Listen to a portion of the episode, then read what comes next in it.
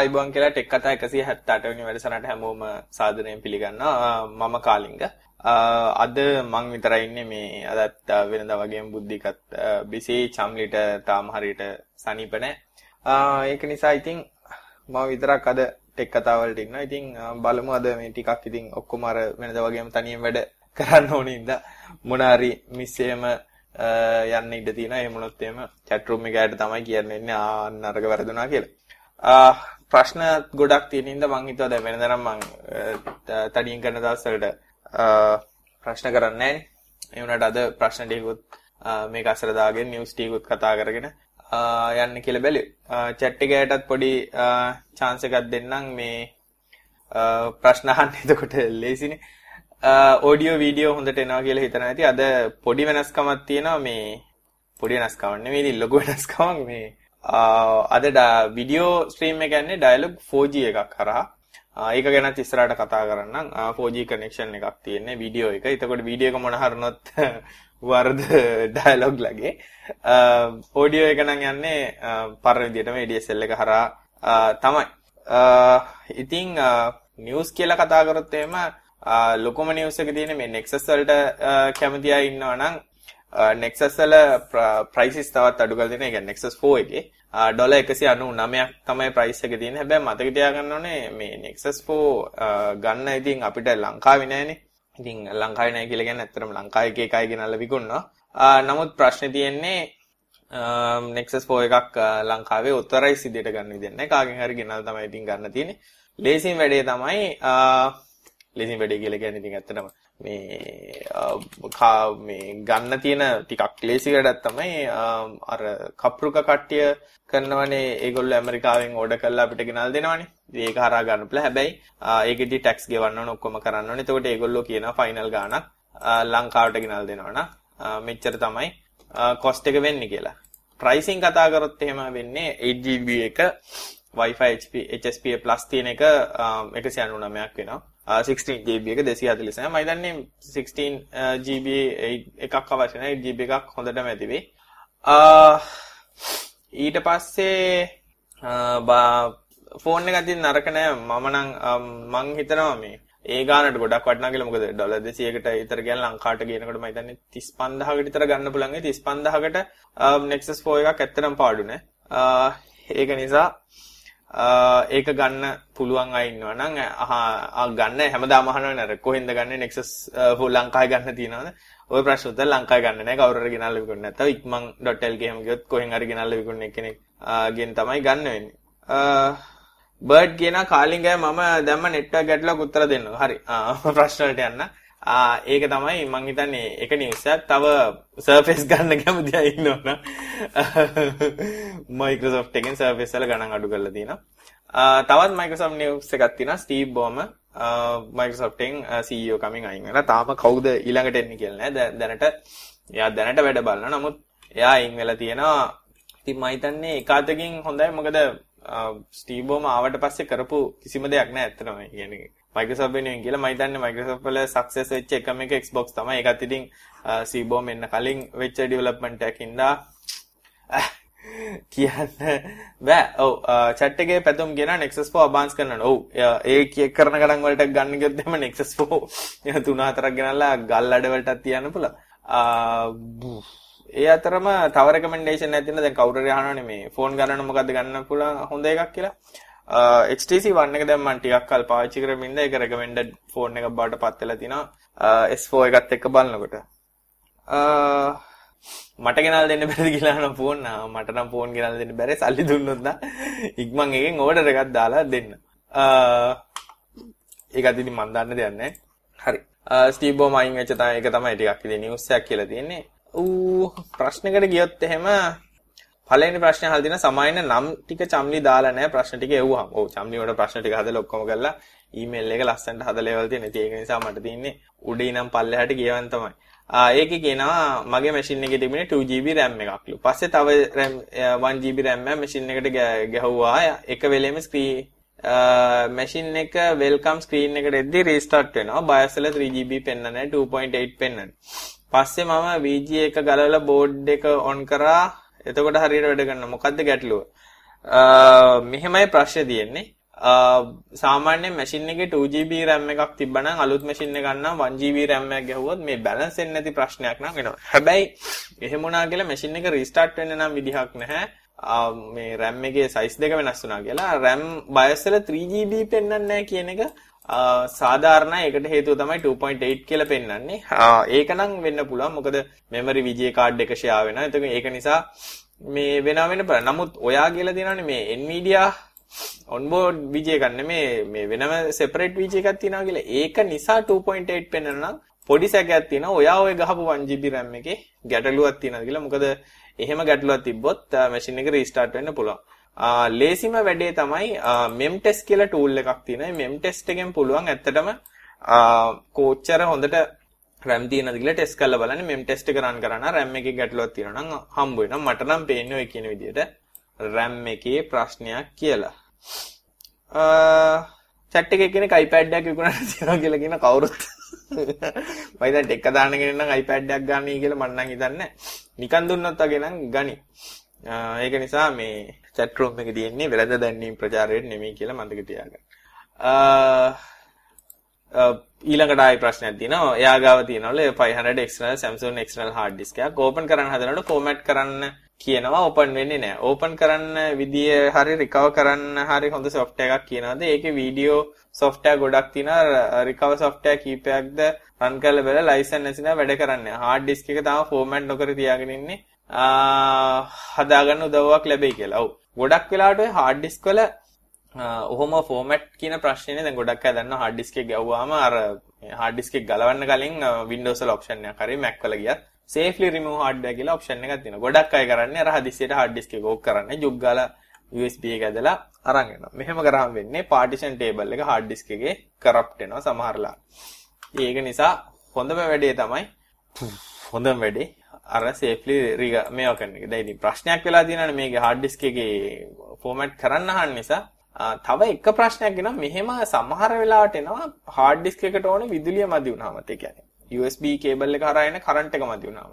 ඒක පොඩ්ඩක් චෙක් කරලා බලන්න. රිකවර්ස් කරනවා නම් දැනට ෆ්‍රී easy recovery ප්‍රොෆෙෂනල් කියන එක නම් ටිකක් හොඳ ටූල් එකක්. හැබැයි ඒක සල්ලි දෙන්න ඕන එකක්. එහෙම බැර නම් ඉතින් බලන්න පුළුවන් Hiron boot CD එක දාලා ඒක recovery software වලින් පොඩ්ඩක් try එකක් දෙන්න. මෙහෙමයි එක ක්‍රමයක් තියෙනවා. ඕක ඕනනම් format කරලා ආයි partition recovery එකක් කරන්න පුළුවන්. නමුත් ඒක ටිකක් ඇඟට භයානක වැඩක්. එහෙම format කරනවා නම්. පිස්සු පූස අහනවා නාස්‍යගේ තත්ත්වය කොහොමද කියලා. ම්ම් නාස්‍යගේ තත්ත්වය නම් වරදක් නෑ. දැනට සියලුම දේවල් ටික සිද්ධ වෙනවා. සියලුම දේවල් ටික කියලා කියන්නේ DLNA හරහා ෆිල්ම් බලන එක. එතකොට මගේ සින්දු ටික එකට කොපි කරලා සින්දු නෙට්වර්ක් එක හරහා ගන්න එක. එන හොඳ. හැබැයි නාසක හිතපු තරම් ෆාස් නෑ. ගිගබිට් තමයි කනෙක්ෂන් එක තියෙන්නේ. 30 Mbps වලට යන්නේ හරිම අමාරුවෙන් 1020 අතර තමයි සාමාන්‍යයෙන් වැඩ කරන්නේ. ඉතින් ඒක නිසා වෙච්චර කියන්න අමාරුයි. ඒකේ ඒ ගැන නම් ඒ මල්ටි යූසර් නම් ටිකක් කරදර වෙයි. නමුත් ඉතින් තාම Taman තනියෙන් පාවිච්චි කරන්න නම් ඒ කියන්නේ ගෙදර දෙන්නේ තුන් දෙන්නම් ඉන්නේ ගේක පාවිච්චි කරන්න නාස් එක හොඳයි. පහුගිය වැඩසටහන අහපු නැති අය නම් පහුගිය වැඩසටහන ඇහුවා නම් නාස් එක ගැන දැනගන්න පුළුවන්. ඊළඟට පිස්සු පූසාන Windows Tablet ගැන කාලින් අයියගේ අදහස කියමෙන්ද? ඒත් දුවන එක වගේ ටිකක් අඩු ගන්නට. මෙහෙමයි Windows tablet જાති දෙකක් තියෙනවා. Windows 8ම දුවනවා නම් ප්‍රශ්නයක් නැහැ. Windows 8 RT දුවනවා නම් දැනට නම් තේරුමක් දකින්නේ නැහැ. නමුත් ඉතින් Windows tab එක පාවිච්චි කරාම තියෙන එකම වැඩේ තමයි iPad එක හරි Android එක පාවිච්චි කරනකොට document එක edit කරගන්න Word දෙනවා. ඉතින් ඒ වගේ වටිනාකම තියෙනවා. ඉතින් Word වැඩ කරන්න, Excel වැඩ කරන්න, PowerPoint වැඩ කරන්න. අනිත් ඒවාට වඩා ඉතින් හොඳයි. ඉතින් ගාණත් අඩු නිසා ඉතින් ටැබ් Windows tablet එකක් ගත්තට RT tablet එකක් නම් ගත්තට අවුලක් නැහැ. නමුත් අර desktop පාවිච්චි කරන්න හිතාගෙන tablet ගන්නවා නම් ගන්න එපා. ඌ මාර ස්ලෝ. ඊළඟට අහන මොකද්ද පාලිත කොකා chat එක යන කාලින් ගයේ agile development කරන්න agile development කියලා ඇලියලා agile කරන්න හොඳ ප්ලේස් එකක් දන්නේ නැද්ද? agile කරන්න නම් මමත් හරියට ලංකාවේ එහෙම හොඳට කරන එකක් නම් දන්නේ නැත. නිසා රෙකමෙන්ඩේෂන් එකක් දෙන්න බෑ. ආ මොට්ටු අහනවා chat එකේ ප්‍රශ්නයක් කාලින් අයියේ මේ ප්‍රශ්න නම් උත්තරයක් ඕනේ. මම ගේමින් PC එකක් හදන්න යන්නේ. රෙඩ් ලයින් එක ඇරෙන වෙන හොඳ තැන් තියෙන දෙයාලගේ ගණන් ටිකක් වැඩි ප්ලීස්. මොට්ටු මෙහෙමයි වැඩේ. දැන් මම හිතන්නේ අපේ පොඩ්කාස්ට් එකක් කරන කම්පියුටර් හાર્ඩ්වෙයාර් ඇන්ඩ් ගේමින් කියලා මේ ඇත්තටම වීඩියෝ කාස්ට් එකත් එක අද chat සයිට් එකට ගියානට එකෙන් බලන්න පුළුවන්. අපි VJ කාඩ් මොනවාද? ඊට පස්සේ හાર્ඩ්වෙයාර් මොනවාද? හොඳ ගේමින් PC හදනවා කොහොමද කරන්නේ කියලා කතා කරනවා. ඒකෙදි කතා වෙච්ච දෙයක් තමයි මම හිතන්නේ මට වඩා එක්ස්පීරියන්ස් තියෙන අනූෂ ගොඩක් රෙඩ් ලයින් එකෙන් බඩු අරන් තියෙන. යා නම් කියන්නේ රෙකමෙන්ඩ් කරන්න පුළුවන් හොඳ ප්ලේස් එකක් කියලා. එහෙම නැත්නම් ඉතින් වොරන්ටි ගැන එච්චරම තැකීමක් නැත්නම් අර මං කලින් කිව්වාගේ කප්රුක එක හරහා එතකොට අපිට ඇත්තටම ටිකක් Amazon එකේම හොයලා බලලා මං හිතන්නේ ලංකාවට අඩුවට ගෙන්න ගන්න පුළුවන් වෙයි. ඒකට හේතුව තමයි ටැක්ස් එක 103යි කම්පියුටර් පාර්ට්ස් වලට වදින්නේ. එතකොට ඉතින් පිටරට ගානට 103ක් එක්කව කරලා පොඩ්ඩක් shipping දාගත්තා නම් ගන්න පුළුවන්. හැබැයි ඉතින් warranty නම් එතකොට ඉතින් claim කරන්න දෙයක් නැහැ. කැඩ්ඩොත් දුක තමයි. හැබැයි ඉතින් ගොඩක් අය red line technology නම් recommend කරනවා. ඉතින් මම පෞද්ගලික වරන් නැති නිසා හරියට කියන්න අමාරුයි red line හොඳද නරකද කියලා. හරි. පිසු පූසා ඉතින් දිගට මහනවා ඔයාට පොඩි වැඩවලට ලෝනේ Windows tab එක PDF කියවන්න web browse කරනවා කියන. ඒ මේක නැති Android tab එකකුත් ඇති. නමුත් ඉතින් Windows tab එකකින් ඒ දේ නම් ලේසියෙන් කරගන්න පුළුවන්.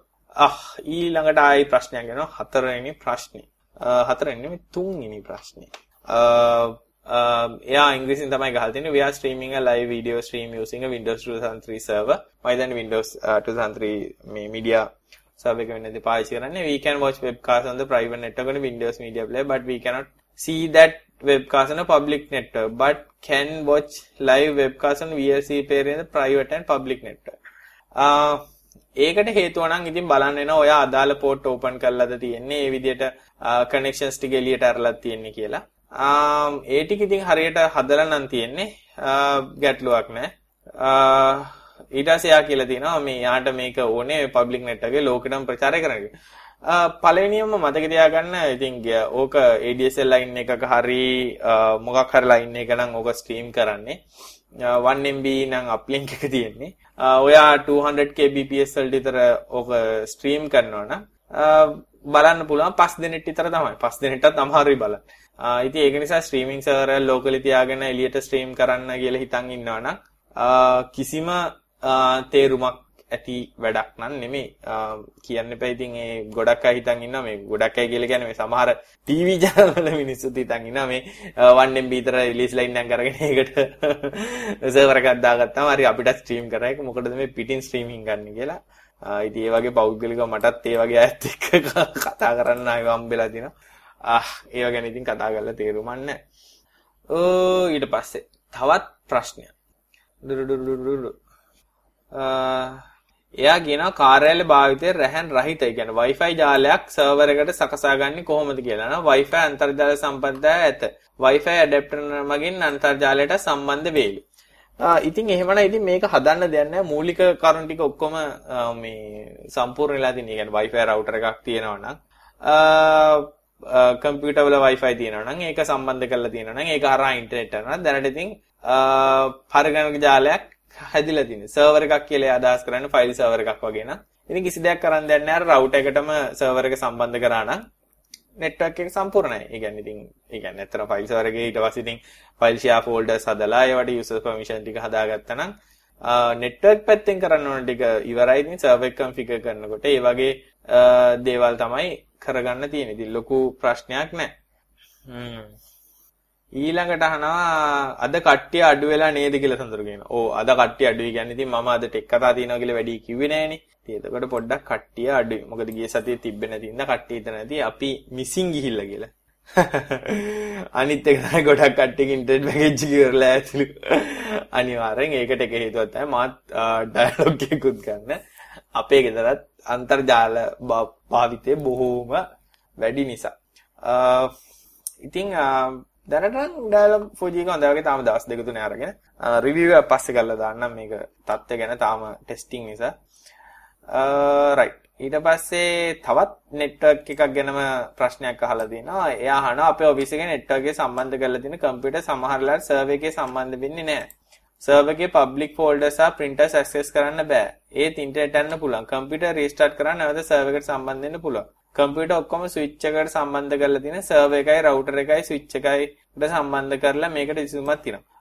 මේ ප්‍රශ්නේ ගොඩාක් වෙලාවට එන්නේ නෙට්වර්ක් ෂෙයාර්ස් වලට යන්න නැතුව නම් වෙන්නේ DNS ප්‍රශ්න අහම එහෙම නැත්නම් ඒ නෙට්වර්ක් රිසෝල්ව් වෙන්නේ නැති වුනහම ඒ වගේ දේවල් වුනහම නැත්තම් අන්තිම ප්‍රශ්නේ වෙන්නේ ඔයගේ නෙට්වර්ක් ෂෙයාර්ස් වලට හරියට කනෙක්ට් වෙන්න තියෙන්නේ පරිගණකවල වෛරස් තියෙනකොට. පරිගණකකට වෛරස් තියෙනකොට මේ නෙට්වර්ක් ෂෙයාර්ස් වලට කනෙක්ට් වෙන්නේ නැතුව යනවා.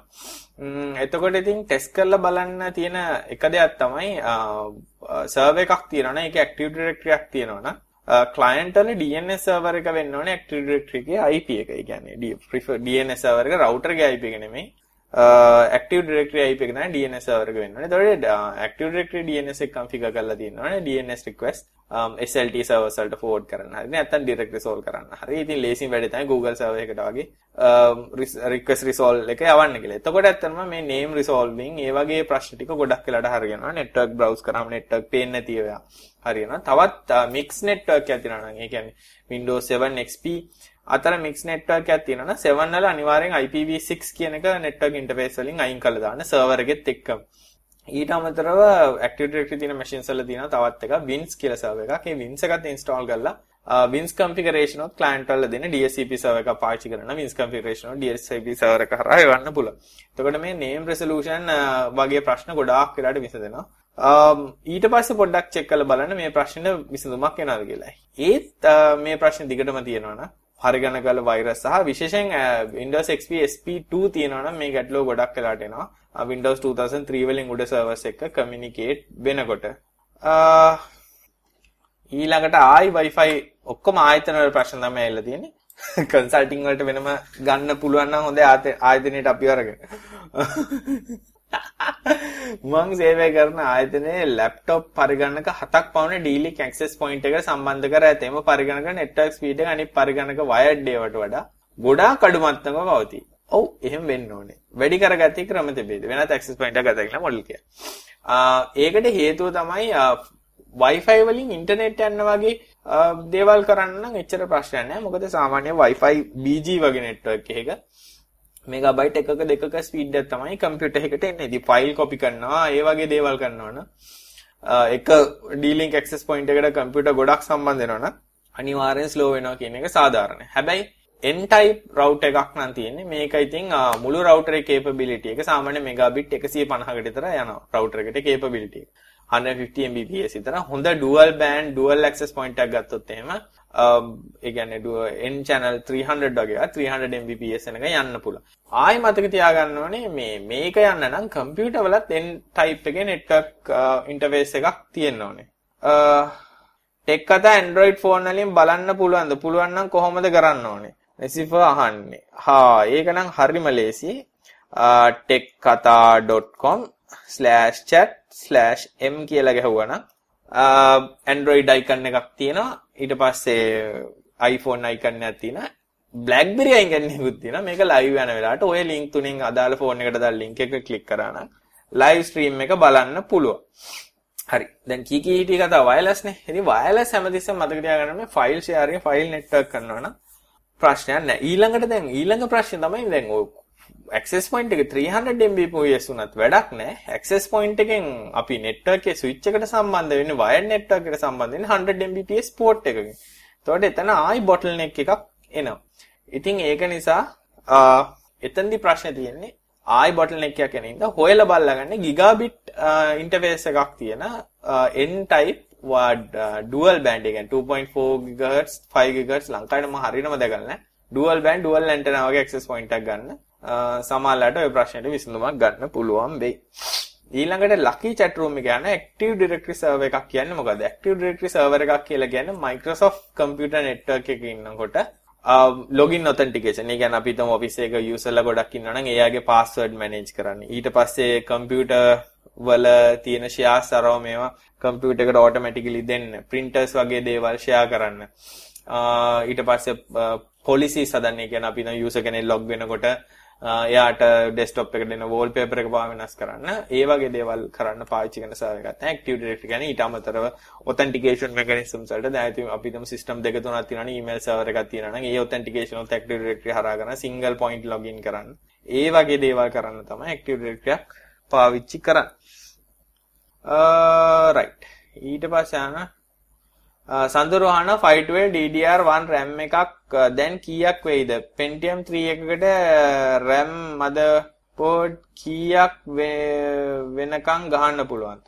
Uh, සඳරු මෙහෙමයි 512 RAM එක ගන්න රුපියල් 500ක් 600ක් විතර ඒ සෙකන්ඩ් හෑන්ඩ් කඩේකින් Unity Plaza පැත්තේ ඇවිල්ලා බැලුවා නම් හරි ඔය සෙකන්ඩ් හෑන්ඩ් කම්පියුටර්ස් තියෙනවා RAM කොච්චරක් ගහන්න Pentium 3 එකට RAM කොච්චරක් ගහන්න පුළුවන්ද? කියන එක නම් තීරණය වෙන්නේ ඇත්තටම මදර්බෝඩ් එක නෝ ගොඩක් වෙලාවට 2GB නම් ගහන්න පුළුවන් කිසිම කරදරයක් නැතුව.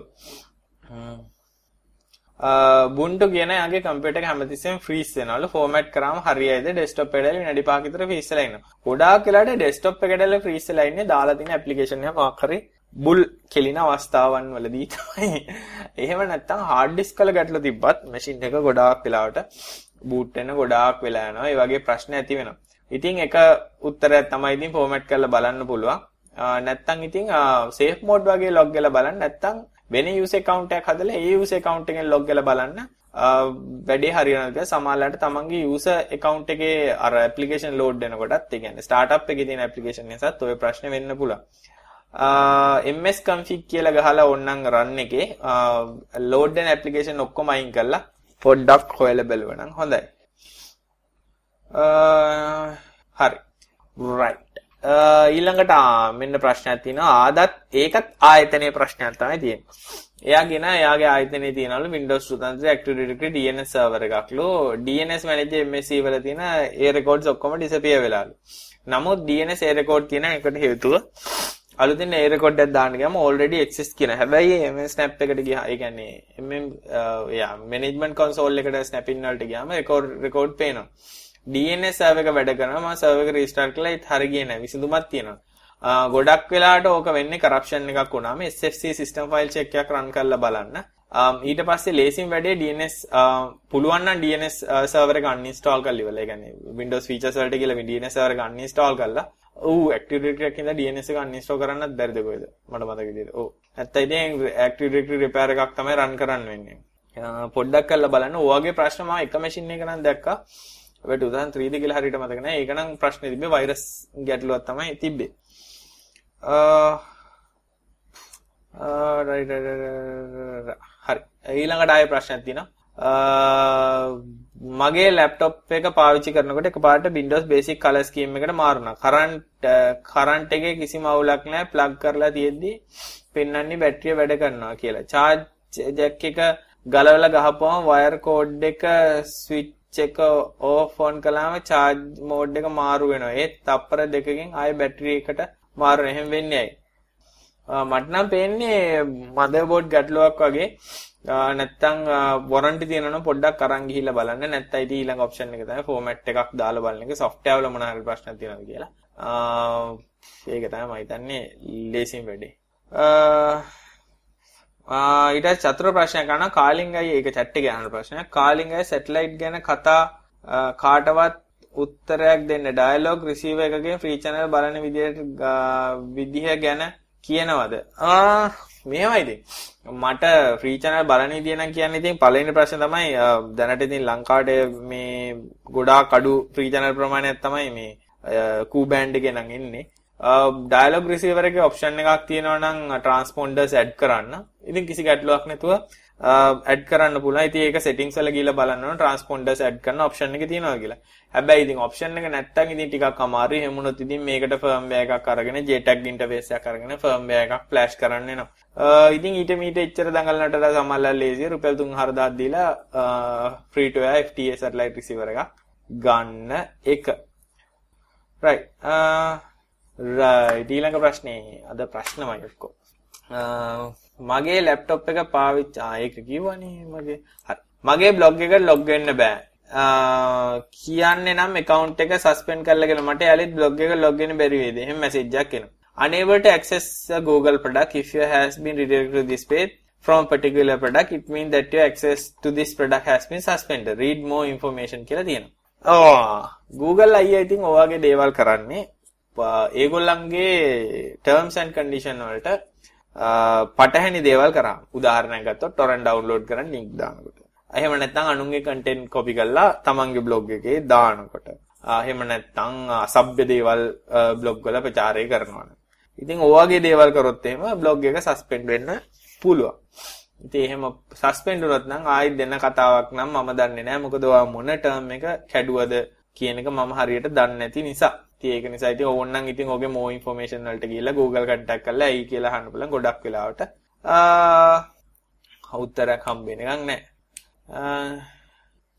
හරි. ඒ කෙනෙක් අහන කොහොමද Windows 8 install කරගන්නේ කියලා. ආ Windows 8 install කරගන්න. ඉතින් Windows 8 download කරලා ඉන්ස්ටෝල් කරන්න තමයි තියෙන්නේ. ඊළඟට වොෂින් මැෂින් එකක් ගන්නවා නම් සැලකිලිමත් වෙන්න ඕන කරුණු මොනවාද අහන්න. මම හිතන්නේ වොෂින් මැෂින් එකක් ගැනීමේදී සැලකිලිමත් වෙන්න ඕන කරුණු අපි පරණ වැඩසටහනකදී කතා කරා. එතකොට ඒකේ RPM කියන්නේ මොකක්ද කියන එකත් අපි කිව්වා. හරි.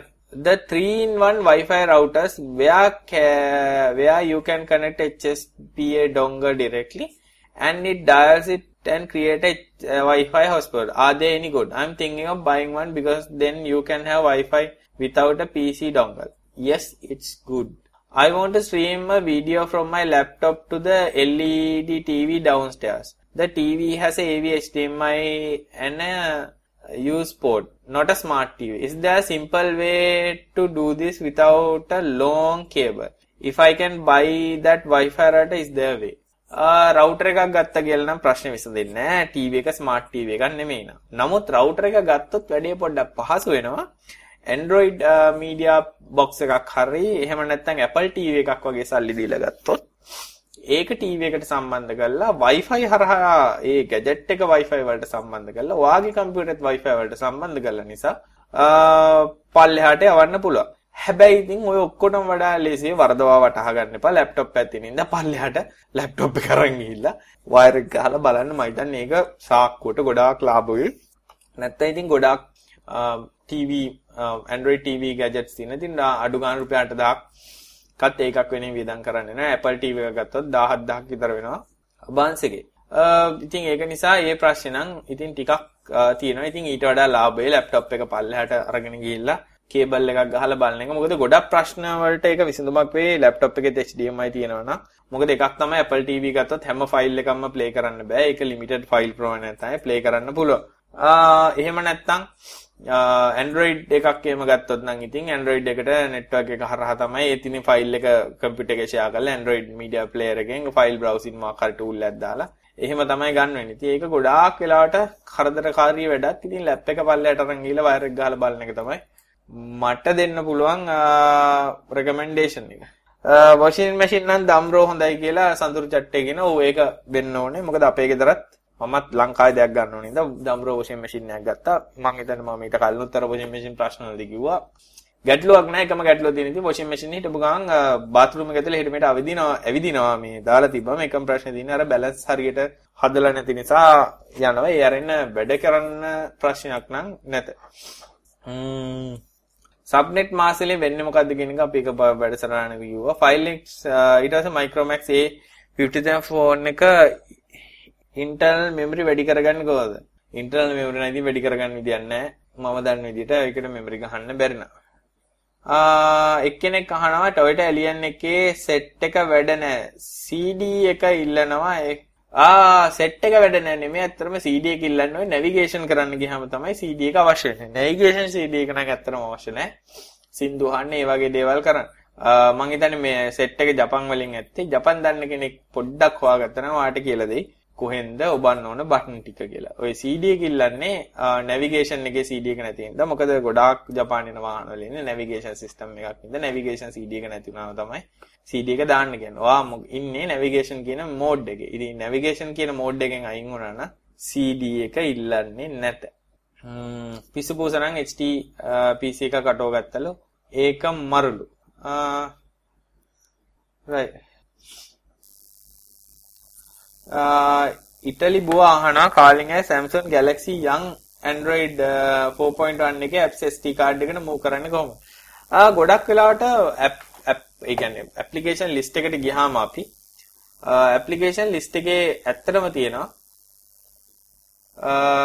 කොහෙද මේ application එක install වෙලා තියෙන්නේ කියලා. ඒකේ option එකක් තියෙනවා move to SD කියලා. සමහරවිට හැම application එකක්ම SD එකට move කරන්න බෑ.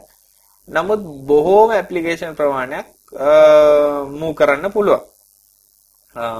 SD option එක තියෙනවනේ. ඒකට ඉතින් අදාළ application එක select කරාම ඒකේ න move to SD option එක ඒක පාවිච්චි කරා නම් ටික් ගාලා move කරන්න පුළුවන්. Android 4 වල ඉඳන් උඩට move to SD කියන එක supported. සද්දයක් එන්න ගත්තලු ආ මම ෆෝන් එක ළඟට ගත්ත හින්දා වෙන්නේ. හරි හරි හරි. ෆෝන් එක ළඟට ගත්ත නිසා විය යුතුයි සහෝදරවරුනි. දැන් හරි ඇති. හා ගණන් ගන්න මේ ෆෝන් වල පිස්සු. නා කරන්න. right. තාමත් නොයිස් කම්ද?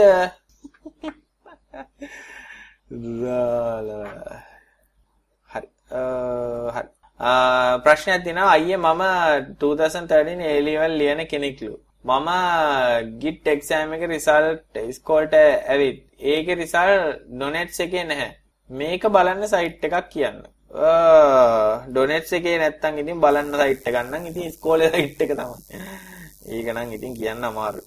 මොකද මේ ඒක නම් මටත් හරියට කියන්න බෑ මේ කොහෙන්ද එන්නේ කියලා chat room එකේ දන්නවද donates ඇරුණාම git results බලන්න පුළුවන් site එක. දන්නවනම් කියන්නේ මොකද chat room එකේ සමහරලාට ඕවා මට වඩා දන්නවනේ.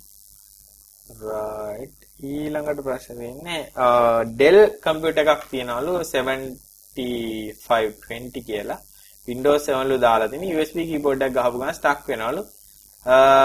safe mode එකෙන් එහෙම වෙන්නේ නැහැ. Ubuntu වලදී වැඩ Windows 7 normal එකේ ආවම මෙහෙම වෙන්නේ. ඇයි? ගොඩක් වෙලාට මේකට හේතුව තමයි drivers ගැටලුවක්. chipset driver එක ගැටලුවක් හරි Windows වල ගැටලුවක් හරි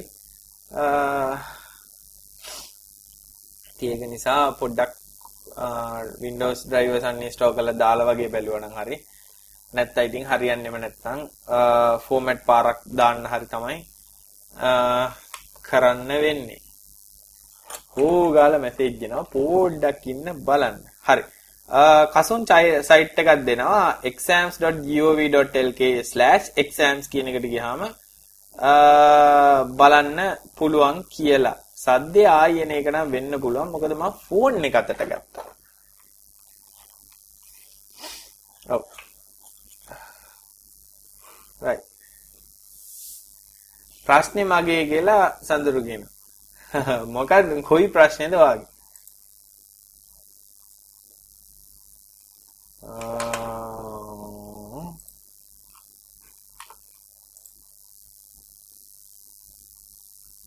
ඕ නොයිස් ටු ආයි සද්ද දෙනවලු මට දැන් chat room එකේ delay එකක් තියෙනවා වගේ නේ මම හිතන්නේ delay එක තියෙන්නේ audio අහන අයට තමයි right windows 8 official ios වගේ download කරන හැටි කියලා දෙන්නකෝ i mean from microsoft website uh, මන් දන්නා තරමින් දැන්නම් Microsoft එකෙන් uh, ඩෙමෝ එකක් දෙන්නේ නමුත් uh, 8.1 නම් ඩවුන්ලෝඩ් කරන්න හැකියාවක් තිබ්බා බීටා රිලීස් එක. දැන් නම් RTM එක රිලීස් කරලා නිසා ඩවුන්ලෝඩ් කරන්න පුළුවන්ද දන්නේ නැහැ. ඉතින් අයින්ස්ටයින් ට පුළුවන් රුපියල් 13000ක් දීලා Windows 8 එකක් ගන්න. මං හිතන්නේ මම උනත් දැනට Windows 8 එකක් පාවිච්චි කරන්නේ නැහැ. ලයිසන් තිබිලත් ඇයි කියලා මම නම් ආස නැහැ ඇත්තටම එකක් තමයි පාවිච්චි කරාම කිසිම එහෙම ඒක පාවිච්චි කළ යුතුයි කියන හේතුවක් මට තාම ආවේ නැහැ. Windows 8.1 කියන්නේ එක්තරා විදිහක අලුත් එකක්. නමුත් 8 තියෙන අයට 8.1 වලට අප්ඩේට් කරන්න පුළුවන්. සන්ලගේ OS එක නේ දානවා Oracle use කරන්න. Oracle කියලා කියන්නේ මේ අටපට්ටන් database සඳහා දෙටිය සමාගම. ඉතින් ওই සමාගම ටික කාලයක් යනකොට මේ සමාගම හිතුණා දැන් මේ යන විදියට ගිහලා නම් ගොඩ යamak නෑ කියලා. සන් කියලා කියන්නේ ඇත්තටම මේ Java හදපු සමාගම. ඒගොල්ලන්ගේ ඔපරේටින් සිස්ටම් එකක් තිබේ. ඒ කාලේ Sun Solaris කියලා Spark කියම කියලා ඒගොල්ලන්ගේ hardware තිබ්බා. Sun Systems කියලා computers තිබ්බා. ඒවට දුවන් හදපු OS එකක් තිබ්බා Solaris කියලා. මේක ඉතින් ගොඩක් ඔය ගොඩක් මැතමැටික්ස් සිස්ටම් කරන අය අපේ ඔෆිස් එකේ පවා අපි සෝලාරිස් ඒ කාලේ පාවිච්චි කරා. මම කියන්නේ සෝලාරිස් 9 10 කාලේ. එතකොට ඉතින් ටික කාලයක් යනකොට ඔරගල්ලට ඉදුණා මේ සන්ලයිටින් සෝලාරිස් ගොඩ යන්නේ නැති හින්දා සෝලාරිස් ඕපන් සෝස් කළා ඕපන් සෝලාරිස් කියලා. දෙනුත් මම දැන් ඕපන් සෝලාරිස් තියෙනවා. ඉතින් ඕපන් සෝලාරිස් මේ කාලේ ඒ කාලේ එනකොට ඊට පස්සේ ඉතින් ඔරගල්ලට ඉදුණා. ඔරගල්ලට සල්ලි දින සන්ලට සල්ලි නෑ. ඉතින් ඔරගල්ලා ඊට පස්සේ කර කරගත්ත වැඩේ සන් එක සල්ලි දීලා කාලයකට කලින් ගත්තා. එතකොට ඉතින් සන් එකේ තිබ්බ හැමදේම ඔරගල්ලාගේ වුණා. ඊට පස්සේ ඉතින් ඒක අයට හිතුණා දැන් Oracle database එකට වඩා හොඳ database එකක් වෙන MySQL ඉදිරියට යන හින්දා කරන්න පුළුවන් එකම වැඩේ තමයි අපේ එක charter වෙන්න කලින් මේක සල්ලි දීලා ගමු කියලා MySQL එක සල්ලි දීලා අරගෙන ඒක charter කළා. එතකොට ඉතින් කියන්න බලන්න අපෝ MySQL charter Oracle ගන්න කියලා. මොකද ඇත්තටම Oracle ගන්න කිසිම හේතුවක් නැහැ. business logic එකක් කරන දෙයක් ලියනවා ඇරෙනවා නම් වෙන නම් කිසිම හේතුවක් නැහැ. මොකද large scale ගියාම Oracle කියන්නේ කියන්නේ මම හිතන්නේ මායි බුද්ධිකයි කිය සතිත් කතා කරා Oracle වල මේ ප්‍රශ්නේ තියෙනවා කියලා. chat එකේ ලකී අහනවා RTM කියන්නේ මොකද්ද කියලා release to the manufacturer කියන එක තමයි කියන්නේ. ඒකල්ලෝ කඩේ විකුණන්න කලින් Microsoft ලා මේ ගම ඉස්සෙල්ලා manufacturers වලට, ඒ කියන්නේ HP, Dell, ඒ වගේ කම්පියුටර් හදන අයට ඉස්සෙල්ලා release කරනවා. ඒකට තමයි RTM කියන්නේ. ඉතින් කොහොම හරි දැන් ඉතින් Oracle Solaris කියලා කියන්නේ Oracle ලගේ එකක්. නමුත් ඒකේ දැන් development එච්චර හොඳට වෙනවද මොකද්ද කියලා කියන්න අමාරුයි මොකද දැන් ගොඩක් අය සෝලාරිස් මයිදනේ පාවිච්චි කරන්නේ මම අපි නම් පාවිච්චි කරන්නේ නැහැ වැඩිය. right. කාලෙන් ගයි ඔයා වෙලාවක් තියනවා නම් NVQ කරන්නකෝ. අපේ අපි සහතිකයක් ගන්න ගියාම ලොකු ටෝක් දෙනවා. ඔයාගේ දැනුම හැටියට එයාලට පාඩමක් ඉගෙන ගන්න. ඒ කියන්නේ ජොබ් එක තියලා කියලා NVQ පාඨමාලාවක් හදාගන්න කියලාද යතුරු කියන්නේ. මල පණි. ඒකත් තමයි හොඳ අදහසක් මේ නිකන් එකේ ගිහිල්ලා NVQ කරන්න. ඉතින් ඒක ඇත්තටම මේ ඇත්තටම ඔයගේ වට ප්‍රශ්න තියෙන්නේ ප්‍රශ්න කතා කරොත් නෙමෙයි ඇත්තටම උගන්නන සර්ලටත් ඇත්තටම හරි ඒගොල්ලන්ගේ ට්‍රේනින් එකක් ඒගොල්ලන්ට ලබා දීලා නැහැ. ඉතින් ඒ සර්ලට බයින් එක ඇත්තටම වැරදි. ඒ මිනිස්සුන්ටත් හරියට උගන්නලා ට්‍රේනින් එකක් දීලා අරගෙන නැහැ. මොකද ගොඩාක් ටීචින් වලට එන අය IT බෑග්ග්‍රවුන්ඩ් එහෙම තියෙන කට්ටිය නෙමෙයි. ටීචින් ප්‍රොෆෙෂන් එකෙන් ඇවිල්ලා ඊට පස්සේ තමයි ඊට පස්සේ තමයි ඒගොල්ලෝ මේ ඕගොල්ලන්ට උගන්වන්න ගන්න. ඉතින් අර ඒගොල්ලන්ගේ තියෙන දැනුම ඉතින් පොඩ්ඩක් කල්පා ඒක ඒගොල්ලන්ට බැරිලා වැඩක් නැහැ. ඒගොල්ලන්ට හරි ට්‍රේනින් එකක් හරි දේවල් නොදීපු හින්දා තමයි ප්‍රශ්නේ තියෙන්නේ. හැමෝම නෙමෙයි. ඉතින් බහුතරයක් එහෙම තමයි. සෝලාර් සෝලාරිස් එන පවර්ෆුල් නේද කියලා අහනවා. ආ පවර්ෆුල් කියන්නේ ඉතින් මේක බලයක් මනින්න බෑනේ. සෝලාරිස් කියලා කියන්නේ ඉස්සර යුනික්ස් වලින් පැවතෙන එකක් තමයි සෝලාරිස් කියලා කියන්නේ. අතන යුනික්ස් වල ඇත්තටම ගුවොත් යුනික්ස් වලට ගොඩක්ම සමාන සෝලාරිස්. යුනික්ස් කරනවා. දැන් නම් ඉතින් ඒක ගොඩක් දුරට මගහැරලා තියෙන සෝලාරිස් කියන්නේ හරි මෙහෙමයි. සෝලාරිස් ස්ටෙබිලිටි තියෙනවා. නමුත් සෝලාරිස් හරියට හાર્ඩ් ඩිස්ක් ක්‍රෑෂ් වෙනවා. ඔපරේටින් සිස්ටම් හරියට uh, ස්ටේබල් නෑ. ස්ටේබල් නෑ කියලා අදහස් කරන්නේ මෙහෙම දැන් උදාහරණ ගත්තොත් අපේ ඔෆිස් එකේ අපේ සෝලා සන්ස්පාර්ක් සිස්ටම් වගේක් තිබ්බා. ඒව අපි සිස්ටම් එකෙන් ඉන්ස්ටෝල් කරලා දිනවා. ඔන්න එකේ තියෙනකම් හොඳට වැඩ කරනවා හැබැයි අපි රීස්ටාර්ට් කරලා එමෙ කරොත් එහෙනම් බඩු පැකට්.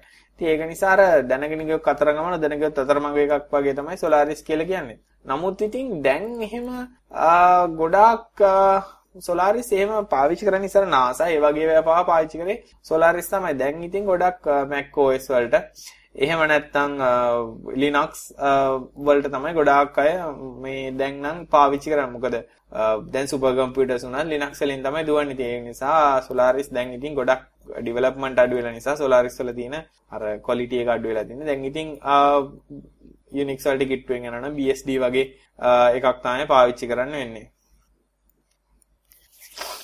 ඇත්තටම මෙහෙමයි දැන් ඔය ඉගෙන ගන්න ගියාම ගොඩක් අය කරන වරදක් තමයි සර්ලා දන්නේ නැහැ කියලා සර්ලට බණින එක. සාමාන්‍යයෙන් ඒගොල්ලෝ ඇත්තටම කරන්නේ මග පෙන්වීමක් පමණයි. මග පෙන්වීමක් පමණයි කියන්නේ ගොඩක් තියරිටිකල් දේවල් ඒගොල්ලෝ දන්නවනේ. දැන් උදාහරණ ගත්තොත් සමහරවිට අමාත් එක්ක කතා කරන එකත් ලොකු තියරි කතා ටිකක් කියන්න ඉඩ තියෙනවා. මොකද මට උනත් දන්නේ නැති තියරි ඒගොල්ලෝ දන්නවා. මොකද පොතවල් කියවලා පොතේ තියෙන සිලබස් එක ගන්නවා. තියරි ටික කියලා දෙන්න දන්න. ඊට පස්සේ ඒකෙන් ඉතුරු ටික කරන එක ඇත්තම අපේ වැඩක්. ඒ කියන්නේ තියරි එක ඉගෙන ගත්තාම තියරි එක ඇයි මොකද්ද වෙන්නේ මොකටද වෙන්නේ කියන එක හොයාගන්න එක ඇත්තටම අපි විසින් කළ යුතු දෙයක්. මම දැන් සාමාන්‍යයෙන් ගොඩාක් හැමතිස්සෙම තියරිටිකල් දැනුම තියෙනකොට ප්‍රැක්ටිකල් දෙයක් තියෙනකොට වෙන වැරදවල් ගොඩ දාගන්න ලේසි. ප්‍රැක්ටිකල් නොලෙජ් එකක් තියෙන කෙනෙකුට වඩා දැන් උදාහරණ දැන් ක්‍රම දෙකකට හැදෙන එක්ස්පර්ට්ලා ඉන්නවනේ ක්‍රම දෙකකට හැදෙන එක්ස්පර්ට්ලා කියන්නේ එක එක්ස්පර්ට්ලා ලෙවල් එකක් තමයි ප්‍රැක්ටිකලි කරලා දාන්නවා. දැන් උදාහරණයක් ගත්තොත් එහෙම ගොඩක් වෙලාට වාහන එලවන්න ත්‍රී වීලර් එලවන්න ඊට පස්සේ බස් එලවන්න ඔය ලොරි එලවන්න ගොඩාක් ඉගෙන ගන්න කට්ටිය ගොඩක් වෙලාට ගෝලේ ඩ්‍රයිවර්ගෙන් පොඩ්ඩක් වාහනේ ඉල්ලගෙන චුට්ටක් එඩමෙට කරකොල තමයි ඉගෙන ගන්න. එතකොට එයාට වාහනේ එලවන්න බෑ කියලා කාටවත් කියන්න බෑ. නමුත් ඒ අය මාර්ග නීති දන්නේ නැහැ. ඊට පස්සේ වාහනේ හරියට පදවනකොට ඒ කරන්න ඕනේ දේවල් දන්නේ නැහැ. ඒකට හේතුව තමයි තියරටිකල් නොලෙජ් එකක් නැතිකම. තියරටිකල් නොලෙජ් එකක් නැහැ කියලා කියන්නේ ඒ වාහනේ දකුණට හරවනවා වමට සිග්නල් දාලා යන්න හොඳ නැහැ කියන එක. ඊට පස්සේ වාහනයක් ස්ටාර්ට් කරලා යන්න කලින් මොනවාද ඉස්සෙල්ලාම කරන්න ඕනේ? ඒක වතුර තියනවද බලන්න, හුලන් තියනවද කියලා බලන්න. ඒ වගේ දේවල් ගොඩක් වෙලාට දන්නේ නැහැ. වාහනයක් පාරෙන් එළියට දාන්න කලින් වාහනේ නවත්තන්න ඕනේ කියලා දන්නේ. රවුන්ඩ් බවුට් එකකට ගියාම දකුණෙන් එන වාහනේට ඉස්සරලා එන්න දෙන්න ඕනේ කියලා දන්නේ. ඊට පස්සේ කණ්ඩක් නගින වාහනයක් ඉස්සරහට එනවා නම් ඒ වාහනේට ඉදියුතුයි ඉදදී යුතුයි කියන වගේ දේවල් දන්නේ නැහැ. ඉතින් ඒ වගේ ප්‍රශ්න නිසා තමයි මේ ලංකාවේ පාරවල් යන ගියත් පිස්සු බල්ලෝ වගේ යන්නේ ඔක්කොම ඉන්නේ වාහන එලවන්න දන්න නමුත් තියරි එක දන්නේ. ඉතින් අනිත් සබ්ජෙක්ට් වලදීත් ඒ වගේ තමයි ඕනම දෙයකින් පර්ෆෙක්ට් වෙන්න නම් තියරි එක සහ ප්‍රැක්ටිකල් කියන දෙක සමසමව දැන හිටීම තමයි ගොඩාක් ලේසි. ඒක ඉගෙන ගන්න ක්‍රම දෙකක් තියෙනවා. ඒ කියන්නේ එකක් තමයි ප්‍රැක්ටිකලි කරලා බලලා අල වෙනකොට තියරි කියවලා බලන්න පුළුවන්. එතකොට තේරෙනවා ආ හුටා මට අතන වැරදුනේ මේ සීන් එක නිසානේ කියලා තේරෙනවා. ඊට පස්සේ ඊළඟ අනිත් ප්‍රාසත් තමයි තියරි හොඳට ඉල්ලගෙන ප්‍රැක්ටිකල් කරන්න වෙනවා. හැබැයි එතකොට පොඩ්ඩක් අල වෙන අවස්ථාවල් තියෙනවා. මොකද දන්නවනේ. දන්න නිසා සමහරලාට අල වෙන්න ඉඩ තියෙනවා. මොකද දන්නව වැඩි වුණාමත් ප්‍රශ්න එනවා මට විශේෂයෙන් ඒ වගේ ප්‍රශ්න එනවා මම ඔක්කොම මට දන්නවා කියලා බකපණ්ඩිත වගේ කරන්න ගියාම සමහරවිට මේ ඩොකියුමන්ට් එකේ එක ලයින් එකක් කියවපු නැති නිසා තමයි මට ගොඩක් වෙන්නේ දෙයක් මම හරිය කම්මැලි කියවන ඒක ඇත්තටම ලොකු වරදක් කියලා මමත් දන්නවා. ඒ කියන්නේ මම පෞද්ගලිකව දන්නවා මගේ තියෙන එක ඩිස්ඇඩ්වාන්ටේජ් එක තමයි මම හරියට කියවන්නේ. ඉතින් ඒක නිසා දැන් මොන හරි සිස්ටම් එකක් අදෙන් දාන්න ගම ඩොකියුමන්ටේෂන් කියවනවා පිටු 10 15ක ඩොකියුමන්ටේෂන් නැති බව. වස කම්මැලි කියවනේ ඉතින් අර උඩින් පල්ලෙන් බලාගෙන මම ලයින් එකක් දැන් දකින්න නිකන් අර ඇඟේ තියෙනවනේ මේක දැන් දන්නවා කියලා. හරි ටික් ටික් ගාලා දැන් එන කරගෙන යනවා. සමහරලාට අම්මට උඩු. මේක හරියන්නේ දැන් ඉතින් හොයනවා ඉන්ටර්නෙට් එකේ සර්ච් කරනවා. ඉතින් ඉන්ටර්නෙට් එකේ සර්ච් කරාට උත්තරේ නැහැ. මොකද අනිත් හැම එකම මේක ගියවල බල්ලා ගල්ලා තියෙන හින්දා මට විතරයි මේ ප්‍රශ්නේ ආ ඉතින් ඕන්න ටික දවසක් ඉතින් එහෙට මෙට ගල්ලා ඕක ඩොකියුමන්ට් එක බලන ආහුට මේ තියෙන්නේ මේ මයිනස් 100 එකක් මෙතන දාන්න ඕන කමල්ලා ඉන්නේ කියලා. ඕන්න ඕක තමයි වෙන්නේ. ඉතින් ඒක නිසා මගේත් තියෙන වැරදි අනිත් අයගේ තියෙන වැරදි ඔක්කොම එකව ගොල්ලෝ හොඳ වැඩේ තමයි ප්‍රැක්ටිකලි තියරි කියන දෙක එකට ගෙනියන්න මොන හරි දෙයක් ගැන ඉගෙන ගත්තාම මේකෙන් ප්‍රැක්ටිකල් දෙයක් කරලා බලන්න ඇත්තටම මේ තියරි දන්න එක්ස්පර්ට්ලාත් අපිට වැඩක් නැහැ ඇත්තටම ලෝකෙ අපිට කියලා කියන්නේ මේ රටට වැඩක් නැහැ practical theory multi million talks දෙනවා කට්ටිය ගම මේමයි මේමයි දැස් ලෙක්චරස් දෙන්නේ ලෙක්චර්ස් එහෙම දෙන්නේ යන්නේ ගොඩක් වෙලාට තියරි දන්න මිනිස්සු. නමුත් ගෙදර තියෙන කම්පියුටරෙට Windows දාගන්න බෑ. ඒක ඉතින් ප්‍රැක්ටිකල් නොලෙජ් එක. දැන් එහෙම ගත්තොත් එහෙම දැන් උදාහරණයක් ගත්තොත් software engineersලා ගොඩාක් ඉන්නවනේ. Software engineer කෙනෙක් කියලා කියන්නේ එතකොට Windows උනත් ලියන්න පුළුවන්. මොකද software engineer කෙනෙක්නේ. software එකක් ලියන්න දන්නවා. නමුත් software engineer කෙනෙක්ට කියන්නකෝ මේ machine එක format කරලා Windows දාන්න කියලා. install කරන්න බෑ. මෙහෙමයි. ඉතින් එහෙම මෙන් අත්ත ගාලා ડોකියුමන්ට් කියලා කරයි. නමුත් අර ඒක ගැන නොදන්න කමක් කිසි දෙයක් නෙමෙයි. ප්‍රැක්ටිකලි දන්නේ නැහැ. ප්‍රැක්ටිකලි කරලා නැහැ. ඒකයි ප්‍රශ්නේ තියෙන්නේ ඩොමේන් නොලෙජ් එක. ඔව් සඳරු කියනවා එයා සිරාට කාලින්ගේ බයිසිකල් රේස් පදින කෙනෙක්ලු පාරේ යන පිස්සුව කියලා. ඕ ලංකාවේ හැමෝම යන්නේ තමන් ඉස්සෙල්ලා යන්න ඕනේ. දැන් උදාහරණ ගත්තොත් එම මේ මේ ළඟදී මම එක්කෙනෙක් කතා කරගෙන ඉන්නකොට සුපරි සමීක්ෂණයක් කළා තිබ්බලු. කලර් ලයිට් වල වර්ණ තුනේ මොකද්ද වෙන්නේ කියලා. මේක පොලිසියුන් ඇතුළුව. රතු කහ කොළ පත් වුණා මොකද කරන්න කියලා. බොහෝම කට්ටියක් කියලා තිබේ කහ පාට එක MCQ question එක. කහ පාට ලයිට් එක පත් වෙන්නේ හෝන් එක නාද කරන්න කියලා. යකෝ කාබන් ලයිට් එක සූදාපත්තු වෙන්නේ සූදානම් වෙන්න කියන්නේ එක්ක නවත්තන්න සූදානම් වෙන්න එක්ක යන්න සූදානම් වෙන්න කියලා. නැතු හෝන් එක ගහන්න කියලානේ අපේ මිනිස්සු ඉතින් ඉන්නේ පස්සේ දැන් සාමාන්‍යයෙන්. ලයි කලර් ලයිට් එකක ඉන්නකොට කොලේක පත් වෙච්ච එක ඉස්සරහට එකපාරට නිකන් අර මේ ඇලඩින්ගේ පහන වගේ පුක් ගාලා නැති වෙන්න ඕනි කියලා.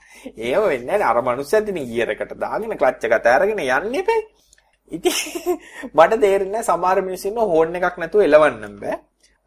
නිකනකට පික් ගාලා ගන්න. උදාහරණ ගත්තා මම කාලයක් තිස්සේ ඉස්සර මීට අවුරුදු කීපයකට කලින් ස්ටාෆ් වෑන් එක ගෙදර යන කාලේ මම ඒ වෑන් එක කවදාවත් ඉස්සරහට නගින්න කැමති නෑ. මොකද දැන් මේ ඉන්න නවත්තගෙන ඉන්නවා දැන් මේ ට්‍රැෆික් එකේ නවත්තලා යන්න බෑ. ඉතින් ට්‍රැෆික් නේ උදේ හවසට උදේට. උඩින් අපික් කියලා එකක් ගහනවා. මම එහෙම ඉතරක් ආහන හිටියනම් මං ඇත්තටම රිවර්ස් කරනවා. මොන මලවදයක් දැම්ම මෝන් ගන්න අවශ්‍ය. හැබැයි අවශ්‍ය තැනකදී අවශ්‍ය තැනකදී මේ ජීවිතේට හොන් එක ගහන්නේ. ඉතින් ඒ වගේ තමයි හෝන් කතන්දර. පාර යන්න ගියොත් එමන ඉතින් දැන් අද අපේ නෝනා මේ කාලෙකට පස්සේ කාර් එක අරගෙන ගියා. බයිසිකල් මල්ලිගෙන කප්පගෙන ගිහලා. ඉතින් ඒ වගේ තමයි ඉතින්. බයිසිකල් වල මම දැකලා තියෙන සමහරවිට කාර් එක නවත්තගෙන යනවා සයිඩ් කනනේ බලලා කකුල තියන් ඉන්න ටයර් එකට. ඕ වගේ වන්ද අනික යන්නේ පාරේ මැද්දේ ලයින් එකේ. මන් දන්නේ ඒක මැද්දේ ලයින් එක ගහලා තින්නේ දැන් ලොරියකට වගේ ඉඩ තියෙන. ඒ කියන්නේ අර ඉතුරු වම් පැත්තේ තව අඩි පහක් විතර බයිසිකලේ තියෙනවා කියලා හිතාගෙන තමයි යන්නේ. ඉතින් මං දැන් හොඳට ට්‍රැෆික් වල ඉන්නකොට දැකලා තියෙන්නේ මේ වම් පැත්තෙන් හොඳට ඉඩ තියෙනවා. ඒ කියන්නේ බයිසිකල් එකකට උනත් දිගටම යනවා නෑ නෑ. ඉන්නේ දකුණු පැත්තේ මැද්දේ ලයින් එකේ. අර වාහන දෙක මැද්දෙන් යන්නේ. ඊට පස්සේ අර කල ලයිට් එක නවත්තගෙන ඔක්කොම ඇවිල්ලා ඉස්සරහින් නවත්ත ගන්න අර ඔක්කොම ටික වට කරගෙන ඊට පස්සේ උන් ටික යනකම් අපි බලන් ඉන්නවා මේ ටික යන්න යන්න කියලා. හිතන් ඉන්නේ මම තමයි හයියෙන් යන්නේ කියලා. වැඩි මොනොත් 40ට 60ට. ඊට වඩා හයියෙන් යන්න පුළුවන් තව වාහන තියෙනවා. ඉතින් ඒක නිසා තමන් යන වේගෙක මොකක් වුණත් කමන්නේ මාර්ග නීතිය තියෙන්නේ වම් පැත්තෙන් යන්න. දකුණු පැත්ත තියෙන්නේ කාව හරි ඕල්ටේක් කරනකොට යන්න. එහෙම එක එක්කත් යන්නේ නැහනේ. ඉතින් අපි යන්න ඕනේ මං අත පැත්තෙන් ඔහුගේ ජීවිතෙත් මේ අතර මරණයත් අතනක් වගේ මේ පැත්තෙන් කන පලාගෙන ගියාම බයිසිකල් කාරය මෙන්න මෙන්න වෙලා බය වෙනවා. ඊට පස්සේ කියන ඇඟට අල්ලලා ගියා. ඉතින් දෙයියනේ වම් පැත්තට ගලා අයින් වෙලා යනවනම් තමන්ගේ ජීවිතේටත් හොඳයි අපේ ජීවිතවලටත් හොඳයි. මොකද පාප කර්මෙන් ඔය වගේකින් මැරලා ගියොත් එහෙම. මොකද අපේ එකකට වෙලා නම් මලට කමන්නේ මැරුණොත් තමයි ප්‍රශ්නේ. වෙන්නේ ඒකට වෙලා නම් කමන්නේ තවත් අර එක මෝඩෙක් රටට අඩු වෙන එකට වෙන්නේ. ඒක ඉතින් හොඳයි. ඉතින් ඒක නිසා අර යනකොට හැමෝම සහයෝගයෙන් යන දැන් උදාහරණ ගත්තොත් පාරක් අයිනෙන් වාහනයක් එළියට දාන්න මිනිස්සෙක් බලන් ඉන්නවනම් එළියට දාන්න දෙන්නේ නැහැ. ඒ මිනිස්සයාගේ ඉස්සරහෙන් දාලා පස්සෙන් දාලා රිවර්ස් කරන වාහනේ පස්සෙන් දාලානේ අපේ මිනිස්සුන්ට විනාඩි තප්පර 10ක් නවත්තලා ඒ මිනිස්සයාට ඉඩ දෙන්නේ ඒ මනුස්සයට වාහනේ යන්න. හැබැයි ඌ රිවර්ස් කරන දාටත් අර එක එක්කත් ඉඩ දෙන්නේ නැහැ. ඒක අර ගැඩිසකට කරන වැඩක් වගේ. හැබැයි කව එකෙක් නවත්තලා ඉඩ දුන්නොත් එම අර මනුස්සයට හදිස්සියක් පාරට දාගෙන පස්සේ ඉන්න එක පැක් පැක් පැක් ගාලින් හොන් ගන්නවා. විශේෂයෙන් බස් මහත්තුරු. පුදුම හෝන් ගහගෙන පෙල්ලගෙන ඇවිල්ලා ඉස්සරහ හොල්ට් එක නවත්තනවා. අර මහමග පන්සිල් කියලා වෙබ්සයිට් එකක් තියෙනවා. අන්නේ සයිට් එකට ගිහිල්ලා බලන්න ඒක ඇත්තටම හොඳයි. මොකද ලේ පුච්ච ගන්න. අද ටෙක් කතානේ අද වාහන කතා අද මාර්ග කතා දෙනවා. හරි. පිස්සු පූසගේ මල්ලි හැප්පිලාලු.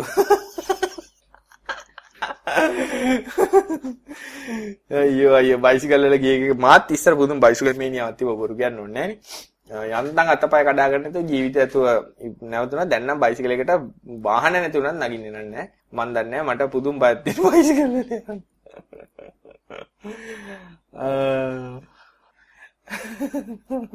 නෑ නෑ පිස්සු පූසාල් දින අබ්බුණු මල්ලෙට තුවාලද කියලා. නෑ නෑ මේ මල්ලෙට තුවාලයක් නෑ. මම සයිඩ් කරන්න හැඩරි මොකක් කර ඩැමේජ් කර කියලා අපේ නෝනට කොයිද අප්පුනේ කියලා වගන්න බැල.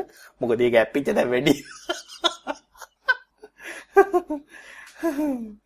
හරි. හරි.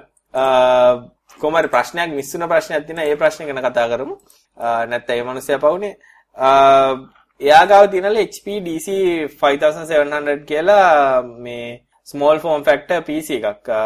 PC motherboard එකක් කියලා එතන ගෙරට එන්නේ ඒකේ එයාට VGA කාඩ් එකක් ගහනවලු. කොහමද on board VGA කාඩ් එක තියෙන ඒකේ GPU එකක් PCI Express එකක් slot එකක් නැහැලු. නමුත් ඒකේ තියෙන්නේ ADD2 කියලා port එකක් තියෙනවලු එයාට දැනගන්න ඕනේ ADD2 කියන්නේ මොකක්ද එහෙම නැත්නම් ඒකට VGA කාඩ් slot එකක් තියෙනවද ශ්‍රී ලංකාවේ ගන්න පුළුවන්ද කියලා එයා අහනවා. ඉතින් ඇත්තටම මේ ADD කියලා කියන්නේ ඇත්තටම Intel ගේම ටෙක්නොලොජි එකක් Intel chipset වල සපෝට් වෙන එකක්. ඒකට මේ ඇත්තටම ඒ කියන්නේ දිගටම ගියොත් advanced display digital advanced digital display කියන එක තමයි කියන්නේ. ඒක ඇත්තටම Intel VGA ඒ කියන්නේ onboard VGA chipset එකේ extension එකක් තමයි ADD2 කියලා කියන්නේ. ඒක second generation slot එක. ඒක PCI 16 slot එකක් වගේ වුණාට ඒක වෙනස්. ඒක ඇත්තටම තියෙන්නේ onboard VGA එකෙන් DVI හරි video out එකක් ඒ කියන්නේ TV out digital TV HDMI out එකක් ඒ වගේ එකක් ගන්නවනම් onboard VGA එක හරහා තවත් ගන්න පුළුවන් ඉන්ටර්ෆේස් එකක්. ඉතින් මේකට අනිවාර්යෙන් හොයා ගන්න ඕනේ ADD ඒ කියන්නේ ADD2 කාඩ් එකක් හොයාගන්න එනවා. මේවා ඉතින් ගන්න නම් නෑ. නමුත් කම්පියුටර් පරණ කඩවලට ගිය සමහරලාට මේගොල්ලෝ ගාව මේ වගේ එකක් තියෙන්න පුළුවන්. එහෙම ගත්තොත් එහෙම ආට මේ DVI එකක් සම්බන්ධ කරගන්න හරි TV එකක් හදන්න හරි HD TV out එකක් ගන්න හරි ඕනනම් සෙකන්ඩ් VGA driver එකක් ගන්න හරි පාවිච්චි කරන්න බලලා ඉතින් මේවා eBay එකෙන් පොඩි සර්ච් එකක් දැම්ම සමහර වෙලාවට හොයාගන්න පුළුවන් මේකට ස්ටෑන්ඩඩ් AGP වක්කත් PC Express වක්කත් කාඩ් එකක් ගහන්න බෑ. ඉතින් මේ ප්‍රශ්නේ තියෙනවා. right ඊළඟට නිවුස් තියනවාද කියලා මේ බැලුවේ නිවුස් නම් වැඩි විශේෂ නිවුස් එකක් නම් ඉතින් නෑ. chat එකේ අයට පුළුවන් නම් නිවුස් තියනවා නම් කියන්න බලන්න අපි එහෙම මොන නිවුස් එකක් chat එකෙන් බලලා ගියමු. ඊට පස්සේ චතුර chat එකේ ප්‍රශ්නයක් අහනවා Wi-Fi to Wi-Fi share කරන්න බැරිද? මම ගියේ router එකක signal තාතර අනිවාර්යෙන් පුළුවන්. ඒකට කියලා කියන්නේ repeater එකක් කියලා. Wi-Fi router එක configure කරන්න බලන් repeater එකක් විදියට තව Wi-Fi router එකක් ගත්තොත් කිසිම ගැටලුවක් නැතුව කරන්න පුළුවන්. නමුත් ප්‍රශ්නේ තියෙන්නේ ස්පීඩ් එක ටිකක් අඩුවේ. මොකද පළවෙනි එකේ එන ස්පීඩ් එකෙන් භාගයක් විතර තමයි මේ පැත්තට ආයෙ එන්නේ. ටෙකි කියන හියුගෝ බාරස් Google එකෙන් අයින් වෙලා හියුගෝ බාරස් කියලා කියන්නේ ඇත්තටම මේ Android හදපු එක්කෙනා වගේ එක්කෙනා. ඔයා චයිනීස් කම්පැනි එකකට මාරලා තියෙනවා. ඒක නේ ඉතින් අපිට එච්චර අදාළ නිවුස් එකක් නෙමෙයි. මොකද Android හදලා නේ හදලා හදන්න නැතුව කියනද ප්‍රශ්නෙකට ටෙක් කතා වෙබ් පේජ් එකේ හෙඩර් එක ඩබල් වෙලාලා තියෙන්නේ. ආ ඒක නම් ඇයි කියලා දන්නේ නැහැ. ටෙක් කතාවල වෙබ් ඩෙවලොපර්ස්ලා වෙබ් හදන්න කොටන්න කට්ටිය කවුරුත් නැහැ. සිරාවටමයි කියන්නේ. තිලිලලට එහෙම තියෙන එහෙම දන්නේම නැහැ වෙබ්සයිට් හදන්න. ඉතින් ඒක නිසා ලොකු ප්‍රශ්නයක් තියෙනවා. ළඟදි ගාල් ආවේ නැද්ද කියලා අහනවා මගෙන්. ගාල් එන්න නම් අදහස් තියෙන ලබන සතිය එනවා. එහෙම වුණොත් ට්වීට් එකක් ගහලා එන්නම් ඉතින් රෑට එන නිසා කට්ටිය හම්බ වෙන්න බැරි එක තමයි ගැටලුව කරලා ඉන්නේ. ඔයගොල්ලන්ට ගැටලුවක් නැද්ද? ඉතින් මම නම් ඉතින් හැමතිස්සෙම ආවොත් එන්නේ ගාල්ල කොටුවේ තියෙන ඉන්දියන් හට් එකට තමයි. ඕකේ තමයි කන්නේ. ඉතින් ඕක වහන්න කිට්ටුනා දැන් මං උතෙන්ට එන්නේ. කාලේ ඉතින් එහෙමම ගෙදර යන එක තමයි කරන්නේ වෙන නම් කිසිම දෙයක් මේ මේවා කරේ නැහැ. ඊට පස්සේ ඉතින් මේක පොඩි නිවුස් එකකුත් තියෙනවා. ඉතින් මේක එච්චර ලොකු නිවුස් එකක් නෙමෙයි. මෙක්සිකෝවේ එක නගරයක් මොබයිල් සමාගම් විසින් ඉතින් මේ මොබයිල් දෙන්න නැතුව ඉඳලා අන්තිමට ඒගොල්ලෝ කරලා තියෙන්නේ ඒගොල්ලන්ගේම මොබයිල් නෙට්වර්ක් එකක් හදාගෙන. ආ ඉතින් ලංකාව වගේ නෙමෙයි ඒ වගේ රටවල් වල ඉතින් ඒ වගේ අයටත් ඇත්තටම ආණ්ඩුවෙන් ටෙස්ට් ලයිසන් එකක් දීලා ඒ විදිහට ඒක හදාගන්න ඉඩ දීලා තියෙනවා. තරින්දු අහන කාලින් ගෑ මම ලික්විඩ් නයිට්‍රජන් වලින් ආඩ්ඩුයිනෝ ඕවර්ක්ලොක් කරන හැටි වීඩියෝ එකක් එවුවා බැලුවා. දැක්කේ නම් නෑ මල්ලි කොහෙටද දන්නේ නැහැ ඌවේ. රයිට්. සඳරු කියන යාගේ PC එක ඔන් කරාම ඩිස්ප්ලේ එන්නේ නැතුව Windows load නොවි තියෙනවලු ආයෙ රීස්ටාර්ට් කරාම හරියනවා. ගොඩක් වෙලාට power supply ගැටලුවක් එන්න බලන්න නැත්නම් ඉතින් loose connection එකක් වෙන්නත් පුළුවන්. පොඩ්ඩක් hard disk cable එක මේ ටික පොඩ්ඩක් සුද්ධ බුද්ධ කරලා ගහලා බලන්න සමහරලාට හරියයි. ඔව් ඉන්දියන් හට් කියන්නේ මේ ගෝල් ෆෝර්ට් එක ඇතුලේ තියෙන ඉන්දියන් හට් එක ගැන තමයි මම කියන්නේ. රම් පාට් එක පොඩ්ඩක් පාස් කළාම ගියාම තියෙන. මං හිතන්නේ අදට ඇති වේ වගේ විනාඩිය ඇතින්නේ. පයඩ කිට්ටු වෙන්න. එහෙමනම් ළමයි අපි ගිහින් එන බලමු ලබන සතියවක්වත් අනිත් උන් ටිකත් ඇදගෙන එන්න. මොට්ටු කියනවා කාලින්ගය මාතර පැත්තේ එනවා නම් මාතර පන්සල පැත්තේ එනවා නම් අපේ ගෙදර ඉඳලා යන්න පුළුවන්. මට විතර විතර දවසක් මේ මොකද මේ මේ ඇත්තම කතා කරගොත් නෙමෙයි මේ ටෙක් ඩුයිනෝ වැඩියෙන්ම විකොලා තියෙන. ඒක 80කට වඩා විකොලා තියෙන මාතරට. ඉතින් ඒක මේ පුදුම වැඩක්. තව දෙයක් තමයි ටෙක් ඩුයිනෝ දැනට අපි ගාව එක් ස්ටොක් තියෙනවා. 20ක් විතර කාට හරි ඕන දැම්ම ඕඩර් කරොත් එහෙම දඩබ්‍රස් ගාලා පවුදාට එවන්න හැකියාවක් තියෙනවා. ඒකත් එක නිවුස් එකක් තමයි. දැන් ඉතිහාසයේ පළවෙනි වතාවට අපි ගාව ටෙක් ඩුයිනෝ එක් ස්ටොක් ආවේ. පිස්සු පූසේ වාගේ chat එක මට පේන්නේ නැහැ. මොකද අකුරු මොනවාද වෙලා තමයි පේන්නේ.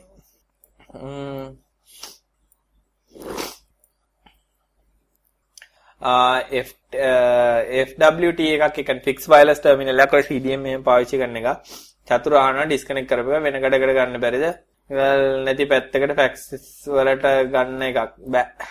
වැඩක් නැහැ කිසිම දෙයක් කරන්න බෑ. මොකද CDMA networks වලට රෙජිස්ටර්ඩ් නිසා. නවකය අහනවා. dual core DDR2 motherboard වල මේ දවස්වල price කොහොමද? රුපියල් 5000යි දත්තා හොයාගන්න පුළුවන් වුණා. අපි කොහොම හරි බලමු. දැන් මේ සතිය නම් බැරි වෙයි. දැන් මේ සතිය ඇවිල්ලා කවද්ද සෙනසුරාදා වැටෙන්නේ 31නේ ඊට පස්සේ පළවෙනිදා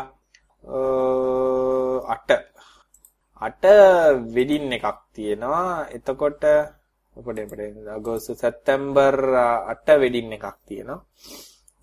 අපි බලමු 15 වගේ ගාල්ලේ පැත්තෙන්න මේ එමුණත් ගාල්ලේ පැත්තේ අපි එන්නම් කට්ටියත් එක්ක නිකන් සෙට් වෙලා අපි දන්නේ නැහැ ඉතින් ගාල්ලේ කොහෙද යන්නේ කියලා මාත්‍ර කොල්ලු ටිකට නම් ඉතින් ගාල්ලේ පැත්තට එන්න මොකද මහින්ද මාම තාම මාත්‍රට පාරාදල නැහැනේ අපි ඔව් මටත් 8 වෙනිදා වෙඩින්නක් තියෙනවා. ඒක නිසා ඒ සතිය අහලලා අපි 15 වෙනිදා වගේ මෙයා කරනවා. කොහොම හරි බල 15 වගේ මම ඒක කලින් කළා. අපි ගෲප් වලත් දාන්න. ඒ මොන කට්ටිය ඉතින් හම්බෙලා කතා බහ කරලා. බලමු ඉතින් මට නම් එන්න පුළුවන් ප්‍රශ්නේ තියෙන ඉතින් බුද්ධි කළා. ඒ කට්ටියව සෙට් කරගන්න එක තමයි ඒ අයව ඉතින් අල්ලනවා කියන්නේ මොනවාද කියන්නේ ඒවට මොනවාද කළා මොනවාද මොක්කුද අල්ලනවා වගේ. උපහැරණ එන්නේ නැහැ. එච්චර අමාරුයි ඒ වගේ උන් අල්ලා. ඉතින් ඒක තමයි ප්‍රශ්නේ තියෙන්නේ. බලමු මාත් ආසයි මොකද මේ ඉඳලා හිටලා සමහරලාට මිනිස්සු එල්ල කතා කරලා කියනවා ඔයා නේද කාලින් කියන්නේ කියලා මොකද මන් දැකලා මාව දැකලා තියෙන ඉඳ වීඩියෝ වලට පිටේ. ඉතින් කතා කරලා නේ. ඉතින් සතුටක් දැනන්නේ ඉතින් දන්න අඳුරන මිනිස්සෙක් හම්බුණා. ඉතින්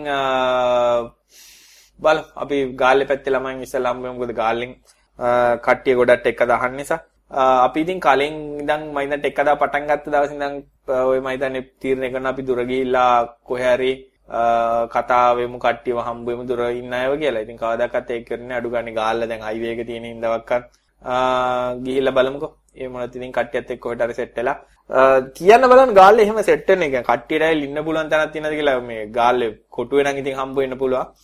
එහෙම නැත්නම් ඉතින් වෙන මොන හරි ඉඳ වාඩි වෙලා කෑම් බීමක් කන්න විහිළුවක් තාලුවක් කරන්න පුළුවන් තැනක් තියෙනවා නම් කියන්න. ඉතින් අපි එතෙන්ට එන්න. මායි වයිපරි එන්නකෝ. අඳුරන අයත් ඉන්න. ඉතින් ගාල්ලේ ආවට ඉතින් එහෙම යවෙන්නේ නැහැ. මොකද රැයට තමයි එන්නේ. බේබදු කමෙන් නැති තොර තැනක් තමයි හොයන්නේ. පිස්සු පුත බොන්න හදනවා. නෑ නෑ නෑ බිව්වට ප්‍රශ්නයක් නෑ. මම නම් බොන්නේ නෑ. බොඩයට බොන්න පුළුවන්. තමන්ගේ මුදල් වලින්. සිගැටලුවක් නෑ. එමනම් හැමෝටම සුබ සතියක් සුබ රාත්‍රියක් බලමු එහෙමනම් ඉතින් මේ පාරක්කට එකදා මම 170 අටවෙනි වැඩසටහනදී කිව්වක්වත් මේ වැඩේ සාර්ථකව කරගන්න පුළුවන් මේද කියලා. ඒ මොන තඩු ගන්න බීච් එක නාන්න හරි බැරිය. අම්මලාගෙන් අහලා ඉන්න බීච් එක නෑවට කමන්න නැති කියලා නැත්නම් අපිට බැනුම් ගන්න. නෑ මොකටද සුබ සතියක් සුබ රාත්‍රියක්. අපි ලබන සති සිකුරාදා හම්බුවෙමු. කොහේ අපෝ වීඩියෝ ආතිය